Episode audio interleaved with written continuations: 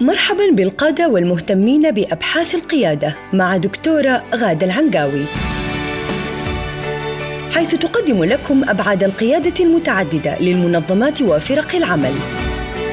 وتلتقي بكم كل أسبوع في لقاء شيق لطرح مفاهيم حديثة تثري رحلتكم القيادية. مستمعينا الكرام في كل مكان السلام عليكم ورحمة الله وبركاته. وحياكم الله في حلقة جديدة من بودكاست القيادة مع الدكتورة غادة طلال العنقاوي المتخصصة من أكثر من 20 عام في القيادة بجميع مستوياتها من خلال أبحاثها في الدكتوراه وبخاصة في مجالي السلوك القيادي الفعال ومجال التربية والتعليم. حياك الله دكتورة غادة. أهلا وسهلا عبد العزيز حياك الله. أهلا وسهلا فيك. دكتورة في الحلقة السابقة تحدثنا عن موضوع القيادة الآخر وتطرقنا إلى أهمية مرحلة المقصد أو النية آه، ودورة في الإبقاء على التواصل في المسار الصحيح إلى مرحلة الاتفاق. وذكرت دكتورة أيضا بعض الأمثلة الجميلة في هذا السياق آه، اليوم دكتورة يعني قبل أن نصل إلى الاتفاق سنعود في المرحلة الوسطى اللي هي مرحلة الاستماع آه، كبداية يا ليت لو تحدثينا عن الاستماع وانطباعي في الحقيقة أن كل من آه، تطلب منه الاستماع يقول في العادة أنه أنا أسمعك. وكل شخص يعني أحيانا نطلب منه أن يفهم يقول أنا فاهم. آه، ولكن أحيانا الشعور آه، قد يكون مختلف لما يقال. تعليقك لهذه المشاهد المتكررة في حياتنا. نعم صحيح. في كثير من الأحيان تطلب من الشخص الآخر تقول له فهمني يقول لك فاهمك. وأنت حاسس في داخلك إنه هو مو فاهم لأنه طريقة آه، يعني رده عليك تدل على إنه هو يعني في عالم آخر.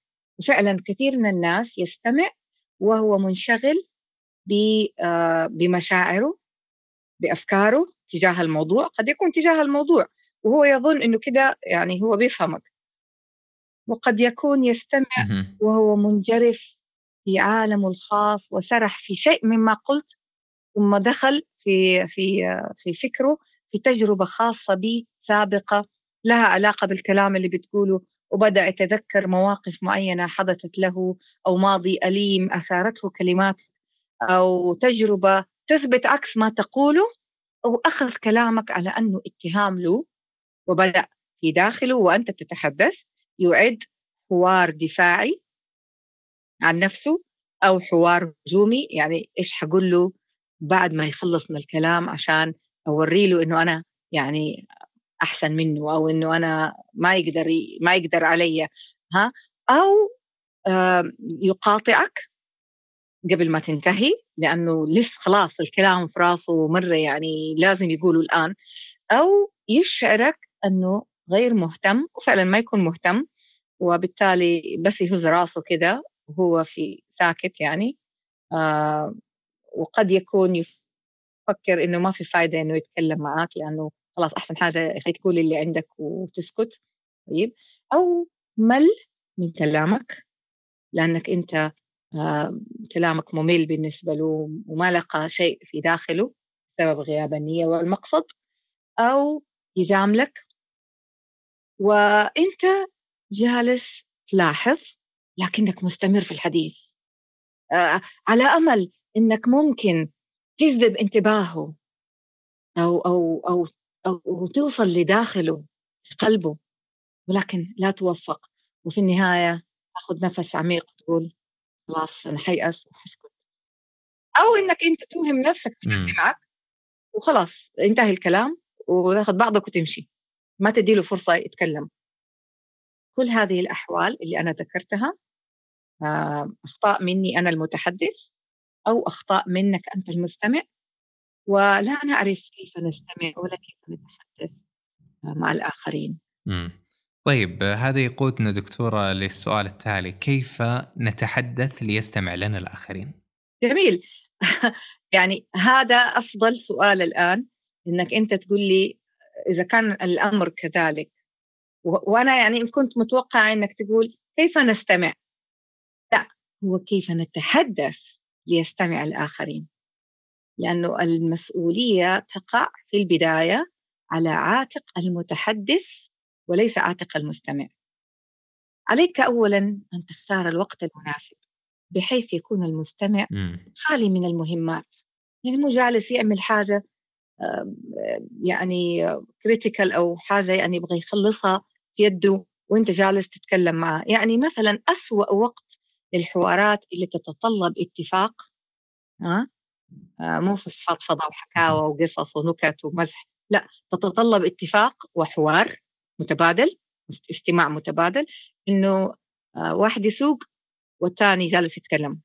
لأنه اللي بيسوق بيقوم بمهمة وبيلاحظ الطريق ومحتاج حواسه تكون في حالة استرخاء واستقبال. أو واحد في المطبخ ماسك سكينة وبيقطع والثاني جالس يحاول يدير حوار كيف؟ أو واحد م. جالس يكتب على الكمبيوتر والثاني يدخل عليه يقاطعه ويبغى ياخذ منه آه، استماع آه، له متحدث يعني. فلازم تختار الوقت المناسب. أحيانا تنتظر الزوجة إلى نهاية الأمسية. ثلاثة ساعات مرت زوجها قاعد ما بيسوي شيء بيتفرج على التلفزيون بيقلب المحطات بيطالع في جواله هي جالسة جوا في في داخلها حديث يعتمد ولا لا تتحدث. بعدين لما يروحوا على السرير خلاص الراجل بده ينام منهك ورا دوام ثاني يوم تقوم تبدأ تقول له أنا دحين عندي موضوع مرة مهم بقول لك هو. يقول لها تفضلي. وتبدأ عاد في الموال وهو خلاص يعني. فهنا أسوأ وقت تختار الزوجة إنها تناقش زوجها. طب هي ليش ما تكلمت من البداية؟ مسؤولية تقع على عاتقها وليس على عاتق الزوج. تقول لك هو ما يسمعني جالس يتفرج تلفزيون. لا المسؤولية عليك أنت أنت تستطيعي أن تجذبي اهتمامه حتى يستمع لك. حنجي بعد كده للنقطة الثانية اللي هي تؤدي إليها هذه الأولى تصحيح المقصد قبل الدخول في القيادة للآخر. بأن تسأل نفسك ببساطة يا ترى أنا أبغى فضفض ولا أبغى اعتراف من الآخر بمشاعري وبصحة موقفي وبالتالي اعتذار؟ أو ما أبغى اعتذار أبغى بس الطرف الآخر يتعاطف ويتفهم؟ طيب. أو أبغى استشارة. جميل نعود لموضوع النية أيوة. أو المقصد. أو أبغى استشارة ورأي منه. أو أبغى بس يتفق معي عشان أشعر بالراحة. أو أبغى توجيه. أبغى يعني يديرني ويوجهني إلى بلطف. coaching ها؟ coaching conversation فأنت لازم إذا دخلت حيز الحوار تدخل وأنت عارف أنت إيش تبغى كمتحدث. لأنك أنت اللي بادي. وتساعد الآخر أن يتعرف على هذه النية ان تكون واضح. يعني إيش أستفيد لما أجي أدخل على رئيسي في مكتبه وأطلب منه وقت أجلس معه ويقول لي تفضل واجلس على الكرسي وعندنا عشر دقائق وأبدأ أقول له أنت أصلا لما طالعت ذاك اليوم كنا في الاجتماع يعني ما انتبهت لي وأنا بقول لك على كذا كذا. إيش إيش أستفيد من من من الاتيتيود هذا اللي هو الاتجاه الاتهامي؟ وأنا كلي غضب. ليش ما أحدد؟ قبل ما أدخل أنا زعلان. فحدد إيش نيتي؟ إيش النهاية؟ إيش النتيجة من هذا الحوار؟ هل أبغى هذا الرجل اللي هو رئيسي في العمل أن يتفاعل معي بطريقة إيجابية ويعطيني الشيء اللي أنا أبغاه ويوافق على مشروعي؟ ولا أبغى بس ألومه على أسلوبه في الحوار؟ إذا كنت أبغى ألومه ليش بلومه؟ هل أبغى أعدل سلوكه؟ أعدل نيته؟ ولا أبغى بس يعني أفضفض؟ واطلع اللي في نفسي. وهكذا علاقاتنا كلها لازم تكون. لابد أن أصحح مقصدي قبل الدخول. جميل يعني قضية استثارة الأسئلة، أحيانا الشخص بمجرد ما يسأل نفسه هذه الأسئلة يبدأ ربما يعني حتى لا يدخل حتى في الحوار من الأساس. يا قد يتراجع يعني يتراجع قبل أن يدخل فيه في بعض الأحيان. ثالث جميل. طيب. لسه ما كملت. ثالثا آه أن أبدأ بالغاية المشتركة والأرضية المتفق عليها. يعني مثال. آه، الموظف لرئيسه. باعتبار أننا فريق عمل نسعى لهدف مشترك وهو إرضاء العميل. أنا يعني ارتأيت رأي وإن شاء الله يكون يعني الرأي هذا يلاقي عندكم قبول. فالبداية هذه تعدل النية حقة المستمع. كيف؟ باعتبار أننا أسرة ومهم لدينا أن يشعر كل فرد أنه محبوب ومحترم ومقدر. أنا أبغى يعني ألفت انتباهك يا ابني إلى موضوع يزعجني كثيرا. هنا أعدل نية الإبن حتى يستطيع أن يدخل في الحوار معي. هو ما هو حاسس إنه الآن في اتهام هيجيله. لفت انتباه. أوكي فهمت كيف؟ فهنا إيش؟ أبدأ حواري بلفظيا بالأرضية المشتركة اللي إحنا متفقين عليها. باتفاق مسبق. لسبب وجودنا مع بعض. جميل. عشان أذكره أنه أنا أحبك يا زوجتي وإحنا الآن في علاقة علاقة حميمة. لكن في موضوع حابب ألفت انتباهك له أنا مضايقني. أو نفس الشيء هي الزوجة مع زوجها وهكذا. الرابع آه، اختيار اللغة المحايدة. واستخدام أنا بدلا من أنت. والابتعاد عن الاتهام بلغة الجسم أو المقالة أو التلميح أو ما نسميها بالمسرطنات الاجتماعية. ما حتوسع فيها الآن. هي يعني لها علاقة بمهارات الاتصال لكن أنت فاهمني. لما الواحد يكون منفعل يطلع منه كلمات وألفاظ تسرطن العلاقة. فعلى المتحدث أن يعترف إذا كان منفعل أو حصل انفعال وهو يتحدث أو جات مشاعر اعترضته إنه يعترف إني أنا منفعل الآن. يعرف خليني آخذ كده بس فرصة وأرجع لك تاني. حتى لو تقوم تروح تجيب كاسة موية. ست ثواني تحتاج لتعادل نفسك. ست ثواني. طيب؟ ممكن أكثر بس يعني بالقليل ستة. وهكذا تفقد السيطرة على الحوار. إذا دخلت في انفعال وما قدرت تاخذ الانفعال ده وتظهره كأنه هو جزء من الحوار بشكل بلغة محايدة أو إنك أنت تاخذه وتطلع به وتعيد التوازن عشان تدخل تاني صح؟ رقم خمسة وباقي نقطتين. أن تكون مختصر وتتوقف بين الجمل والموضوعات عشان تعطي فرصة للآخر أنه يرد عليك. والمعدل في التوقف كل 20 ثانية. كل 20 ثانية تصمت صمتة مطولة خمسة ثواني جايتك دحين باقي واحدة نقطة. تقسيم الموضوعات وتوزيعها.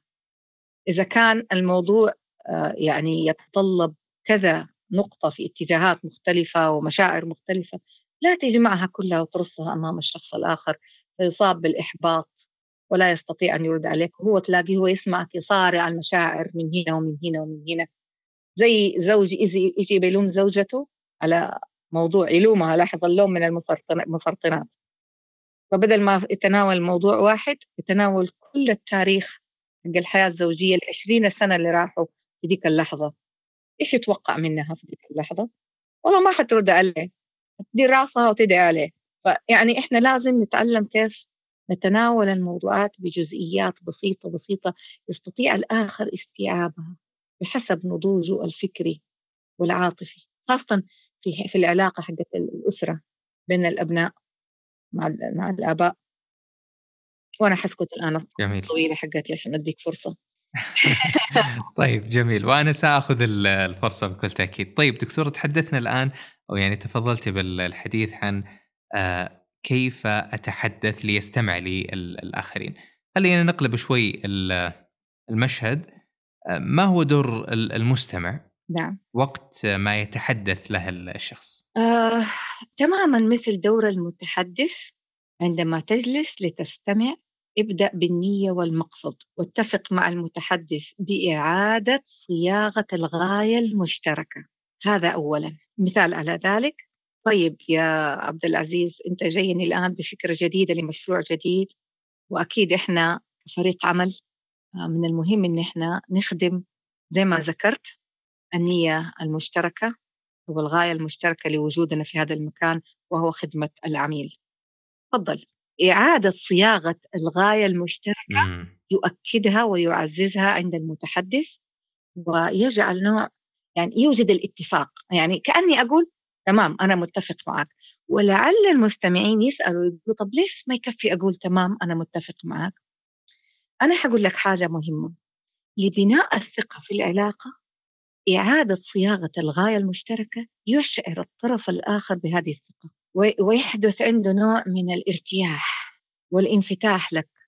لأنه أنت بتعيد الجملة بطريقة المطولة هذه هو يقرأ لغة جسمك ونبرة صوتك بشكل لا شعوري. قد يكون بشكل شعوري وقد يكون لا تلقائي حسب هذا الشخص وإمكاناته. ويحدث عنده ارتياح داخلي. هذا الارتياح حيخليك أنت المستمع ترتاح. إحنا بنوجد البوندينج الرابط. مم. في كل حوار بنقيمه في كل مرة في كل ساعة في كل لحظة وإحنا جالسين. لا يكون إعادة الصياغة مصطنعة لأنه الشيء المصطنع يعني غير مناسب. هذا أولا. آه عبد العزيز محتاجين نعمل cut هنا. نقدر نعمل cut طيب. هنا؟ اي عادي. كمل الحديث عدلي وبعدين لا لا لا. في المونتاج. لا حنكمل التسجيل من بداية السؤال الثالث بس امنحني دقيقه ها؟ في حاجة صايرة طيب. في البيت لازم أوقفها. دقيقة. يلا okay. خير إن شاء الله. خلينا إذا أخذنا يعني إذا قلبنا الأدوار. الآن تحدثتي عن آه، كيف أتحدث ليستمع لي الآخرين. خلينا نقلب الدور ونأخذ دور المستمع. ما الذي يجب آه، أن يقوم به المستمع؟ تماما مثل دور المتحدث. عندما تجلس لتستمع ابدأ بتقرير النية والمقصد آه، والاتفاق وذلك بإعادة صياغة الغاية المشتركة. يعني مثال دخلت أنت يا عبد العزيز على رئيسك عندك فكرة تبغى تقول له هي وقررت نيتك قلت له باعتبارنا فريق عمل وكذا المثال اللي ذكرناه سابقا. يجي هو كمستمع بدوره يقول لك عبد العزيز أكيد فعلا إحنا يعني نسعى إلى إلى خدمة العميل وأنا أرحب بوجودك الآن معايا هنا عشان نناقش هذا الموضوع وأسمع منك أفكارك الإبداعية. تفضل. هو أعاد الصياغة بطريقته الخاصة. يمكن أنا يعني ما عملتها بشكل مرة واو بس يعني أعادها بطريقته الخاصة وذكر نفس الكلام اللي أنت ذكرته باسمه هو ولعل المستمعين الآن اللي بيسمعونا في هذا البودكاست يقولوا طب ليش ما يكفي يقول؟ تمام تفضل كلمتين. أنا حقول لك ليش. لأنه اللحظة اللي هو بيعيد فيها الصياغة المطولة أنت كمتحدث يا عبد العزيز جاي بفكرتك كان في جوتك شيء من التردد إن كان هذا الشخص اللي أمامك يبغى يسمعك ولا لا. وهو بيعيد الصياغة بدأت الثقة ترجع. وبدأت تشعر إنه هو منفتح للاستماع لك من خلال قراءتك للغة جسمه ونبرة صوته والكلمات اللي بيقولها. فحدث عندك نوع من الارتياح الآن أنت حتتحدث وأنت مطمئن. ارتياح واطمئنان لأنه الشخص الآخر مستعد وإنه الثقة موجودة في العلاقة. لأنه ممكن يكون وأنت داخل حسيت إنك قاطع وردت وردت وردت في خاطرك شعور بالشكك في استقباله لك آه، في الوقت المناسب. You know, أشياء مختلفة. ولكن من خلال إعادة الصياغة بتروح هذه الأشياء كلها. هذا أو اولا. ثانيا عندما يقف المستمع المتحدث عندما يقف في الوقفات هذه الصمت البسيطة آه تقوم أنت بتقرير وإعادة صياغة ما سمعت بدون اتفاق أو مخالفة. فأنت عبد العزيز طرح فكرتك وهو رئيسك الآن بده يقوم وسكت طرحت فكرتك وسكت خمسة ثواني. في هذا الصمت يقوم رئيسك ويقول يعني أفهم منك إنك أنت آه، فكرتك كذا وكذا وكذا وكذا لأنه أنت تظن إنه إذا حدث كذا سيكون كذا وبالتالي هذا يعود علينا بكذا وكذا وكذا. طيب فهذه إعادة الصياغة للفكرة أو إعادة صياغة المفهوم اللي هو فهمه تؤكد لك أنت المتحدث إنه المستمع معك على نفس الخط وفاهمك وتؤكد لك إنه فاهمك بطريقة صحيحة وواضحة وتؤكد لك إنه هو لا زال منفتح ومرتاح لإكمالك للحديث. فلا بد أن تشعر أنت المتحدث بأنه هو فاهمك. حتى تستطيع أن تكمل أكثر ترجع تكمل يرجع يفهمك ألين تنتهي. هذه رقم اثنين. رقم ثلاثة كمستمع لابد أن تتحقق آه، من قبل أن قبل أن تكمل وتتحدث لأنه الآن المتحدث يبغى منك ردة فعل. فأنت الآن حتدي له ردة الفعل فتقول له خلاص فهمتك تمام؟ طيب ممتاز. أنا رأيي وتبدأ تدي رأيك كمستمع وتصبح أنت الآن المتحدث. وهكذا تتبادل الأدوار بين المستمع والمتحدث إلى أن تصلوا إلى مرحلة الاتفاق. جميل. آه، في الحقيقة دكتورة الحديث جميل والحديث قد يصفه البعض بأنه آه، عالم وردي. آه، إذا فعلا كل شخص تحدث بهذه الطريقة وكل شخص استمع بهذه الطريقة فبالتأكيد لن يصبح عالمنا هو العالم اللي نعيشه اليوم. طيب خلينا دكتورة ننتقل نعم. لما بعد ذلك وربما نختم فيه الحلقة. تأتي بعد ذلك مرحلة الاتفاق.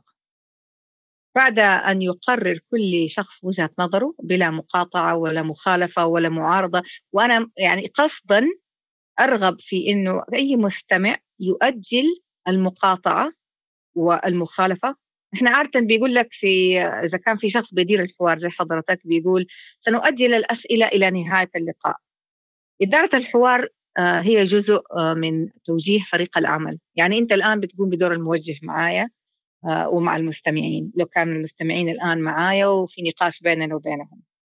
لكن لأنه ما في نقاش إلا بيني وبينك الآن إدارتك للحوار هذا توجيه. فأنت الآن لو بتدير حوار مع مجموعة من الناس بتقول لهم يا جماعة حنأجل الأسئلة لنهاية الحوار. فإذا المقاطعة غير واردة وضعت قانون. أنا ما أحتاج عبد العزيز يكون موجود عندما أتواصل مع شخص آخر. أنا بداخلي أقول أنا ما حقاطع وما حطرح الرأي المخالف ولا حعارض إلى أن ينتهي الشخص من حواره بالكامل. من كلامه بالكامل. ويشعر إني فهمته وفهمت ما يرافق هذا الكلام من مشاعر. فأنا كرئيس أقول لعبد العزيز أنا الآن فهمتك وأشعر إنك أنت متحمس جدا لفكرتك المشاعر. كمان أعطي انعكاس لإعادة صياغة مشاعر.